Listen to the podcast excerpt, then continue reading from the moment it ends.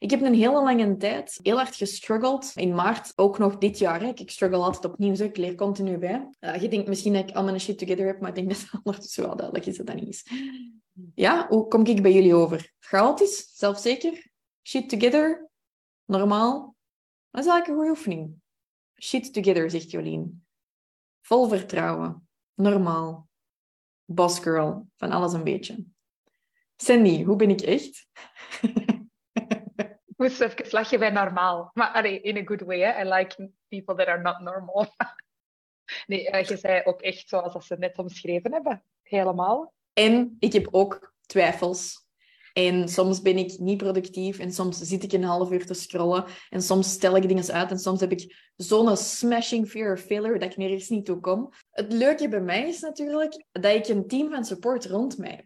En dat is mijn team, maar dat is ook mijn eigen coach. Ik had dinsdag een call met mijn eigen coach. Ik volg ook coaching. Gisteren heb ik coaching gevolgd en dag ervoor heb ik coaching gevolgd. En mij omringen met die andere mensen inspireert mij ook continu. Dat is net zoals in onze academy, vooral in de Business Freedom Elevator, omdat het zo'n grote groep is vaak, krijg je heel veel energie van elkaar. Maar wat was er nu gebeurd in, uh, in maart? Was dat? Er waren zoveel dingen aan het mislopen. Ik zag het allemaal even niet meer zo. Ik was heel zoekende en ik werd heel gefrustreerd. En wat er was aan het gebeuren was, ik werkte elke dag wel en ik was wel bezig, maar er liep zoveel mis dat ik me er heel hard in begon op te boeien. En wat er begon te gebeuren, en je gaat deze misschien wel herkennen, please pay attention, is dat ik begon mij te focussen op mijn problemen. Ik zag een probleem en iets liep niet goed. En ik begon me daarop te focussen. Ik ja, ik moet deze gaan oplossen. Ah, dat is niet goed. En waarom is dat niet goed? Zo lastig dat dat misloopt. En dat was omdat ik niet genoeg gefocust was op mijn doelen. Want als je doelen er zijn, dan focus je op je doelen en dan vind je oplossingen. Ik was mijn eigen kotsbeu, ik kan eerlijk zijn. Ik was ook niet meer zo heel aangenaam om rond te zijn. Wel in coaching calls en zo, ik kan mijn eigen wel goed genoeg managen. Maar kende dat dat je soms het ambetantste zei tegen de mensen dichtste bij u? Dat had ik zo'n beetje. En ik was op rally met mijn papa. We zijn vaak een weekend weg. Ik was mijn eigen gewoon echt kotsbeu. Ik was mijn bedrijf even kotsbeu. Ik dacht, ik heb het helemaal gehad. En ik ben toen naar mijn hotelkamer gegaan. Ik ben beginnen wenen in de gang. Dit is in maart, guys. Is niet zo lang geleden, hè nadat ik al voor 4 miljoen punt 7 had verkocht. Hè. Dus dit gebeurt bij iedereen wel eens een keer. Dat is niet erg. Hè. Het is, uw patronen komen terug. En ik stond in de gang van dat hotel en de lift kwam niet. En ik was iemand tegengekomen dat ik kende en ik zei, Amy, ça va? En de tranen liepen gewoon over mijn wangen, omdat ik me zo slecht voelde.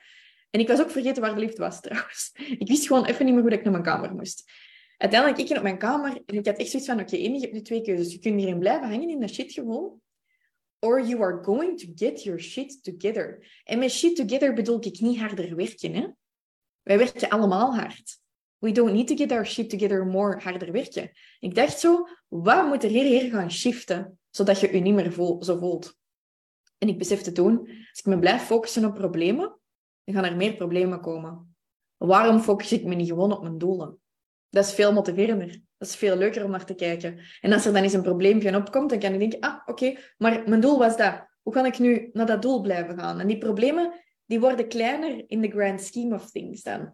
En dat is eigenlijk je eerste oefening, is als je het gevoel hebt dat je continu overweldigd bent, of dat dingen niet lopen zoals je wilt, dat is heel vaak omdat je doelen missen. En dan zal ik twee stappen. Als je je doelen niet hebt, kun je prioriteiten nog niet gaan bepalen. Dus dat zijn eigenlijk twee vragen om te gaan bepalen. Waar werk je naartoe? En wat is je punt aan de horizon? En hoe dat ik dit doe voor mezelf is, waar werk ik naartoe voor mij?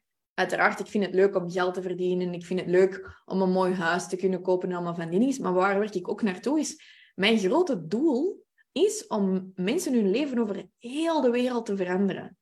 En om veel meer mensen te helpen om onafhankelijk te zijn als er dan eens een foutje in een podcast zit bij mij, of er gaat een foute mail uit, en ik ben heel gefocust op dat probleem, dan ga ik denken, fuck, fuck, fuck, fuck, fuck, fuck, fuck. Maar als ik weet, dit is iets waar ik heel mijn leven aan ga werken, dat is mijn grote punt aan horizon, dus ik wil zoveel mogelijk mensen hun leven veranderen. Ik wil die allemaal helpen om financieel onafhankelijk te worden. Dan zie ik ook heel duidelijk, ja, dat grote doel is daar. Ik moet dat ook niet nu allemaal bereiken. Ik heb nog miljoenen mensen die ik kan gaan impacteren